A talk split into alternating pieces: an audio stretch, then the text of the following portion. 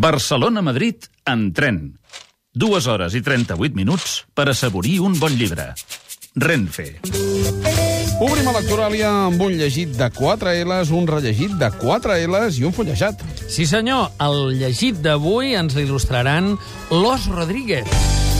en el balcón donde pega más el sol. Calamaro cantava 100 pájaros volando. Sí, senyor, acompanyat de l'Ariel Roth i companyia. Això és per il·lustrar un d'aquests llibres que es pot llegir en els trajectes de Renfe de 2 hores i 38 minuts, una novel·la molt, molt recomanable, El alfabeto de los pájaros, de Núria Barrios. Això ho ha publicat Seix Barral. Aquesta autora madrilenya fa una novel·la eh, que es eh, juga entre la fantasia i la realitat. El tema de fons és l'adopció. És la història d'una nena nascuda a la Xina i adoptada, la Nix, i la seva germaneta, la Nox. El que passa és que no té la clau realista, sinó que eh, treballa des dels contes que estableixen mare i filla en un diàleg no exempt d'una certa tensió, molt emotiu, però gens carrincló, en el qual la mare, diguem, és capaç d'establir tot un univers de referents de contes protagonitzats per ocells de tot tipus per intentar explicar el gran enigma que la pobra Nix eh, cada cop la té més preocupada, que és com eh, ella no ha sortit d'una panxa, no?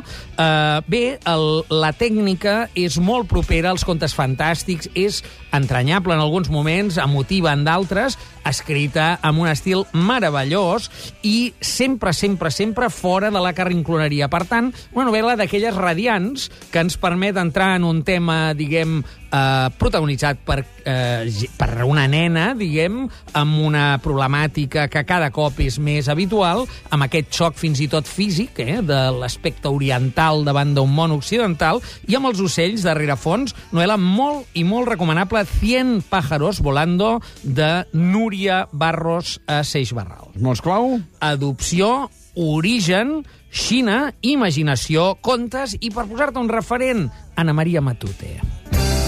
烈焰。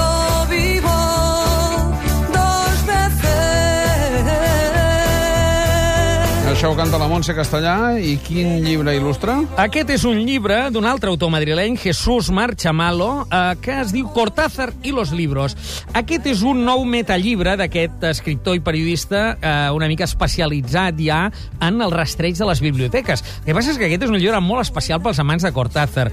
En Jesús Marchamalo ha tingut el privilegi de passar-se mesos dins de la biblioteca que Cortázar, de Cortázar personal, que la seva vídua, l'Aurora Bernárdez, eh, va cedir a la Fundació Juan Marc de Madrid. Llavors, què fa? Doncs fa una trajectòria per tots els llibres i descobrint que Cortázar anotava els llibres. I, per, per exemple, eh, dialogava doncs, amb Borges o eh, l'increpava o l'aplaudia amb notes al marge, amb subratllats. També hi ha tots els llibres dedicats, evidentment, però perquè et facis una idea, a Valle Inclán, doncs, per exemple, mentre llegia algun dels seus llibres, li posa retòrica barata, viejo, o bé, ja te quisieras, quan el gallec parla de la Ilíada, no? Llavors, de sobte, aquí en Marchamalo, a part d'explicar-ho molt bé, en reprodueix, escaneja totes aquestes anotacions que Cortázar feia eh, eh, amb algunes postals, també, a la seva biblioteca, de manera que és un llibre documental que per als que som eh, amants de Cortázar té, té un plus eh, absolut, no?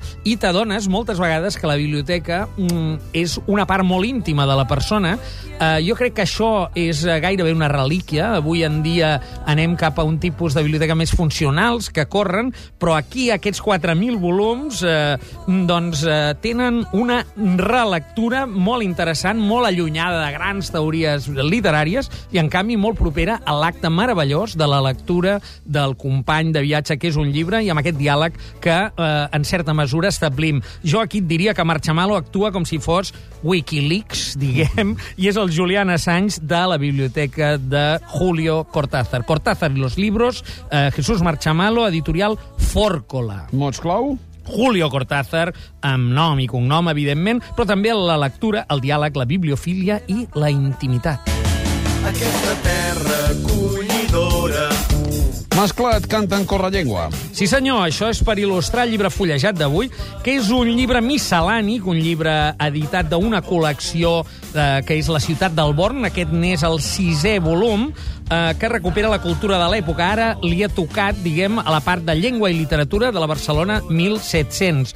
És un llibre col·lectiu de diversos autors, molt ben il·lustrat, un llibre a quatre tintes, etc. Jo te'n destacaria, per exemple, el treball de l'historiador Albert García Espuche, que està al capdavant d'aquest projecte de recuperació de la ciutat del Born, i aquí té una llista de, llarguíssima de paraules catalanes que no consten a cap diccionari, perquè són paraules del segle XVII, eh, que no surten ni als diccionaris de l'època, no? Eines de sabater com, per exemple, la rencatatxes o la brunyeta, o eines d'argenter com ara el tambalet o la babera. Un llibre, per tant, documental, un llibre per tenir a la Biblioteca Llengua i Literatura Barcelona 1700, editat per al propi Ajuntament de Barcelona. Coneixes a l'Andrea Motis?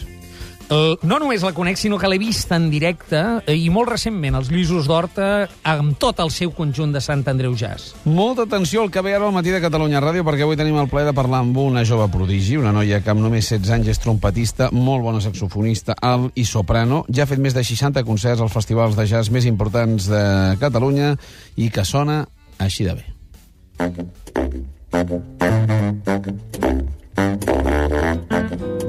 L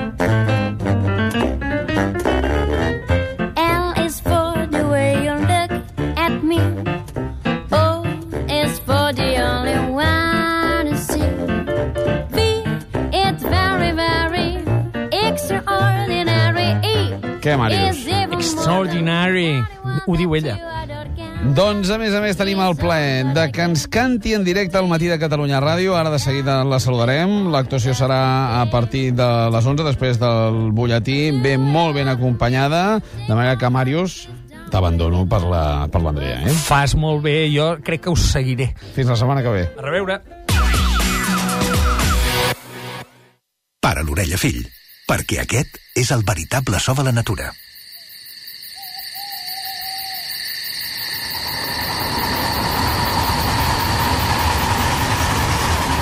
El tren torna a ser el centre de les nostres vides, perquè és el mitjà de transport que prefereix la natura. El tren gairebé no hi produeix impacte i, a més, no genera contaminació acústica. Més informació a renfe.com. Acortamos distancias, acercamos personas. Ministerio de Fomento, Gobierno de España.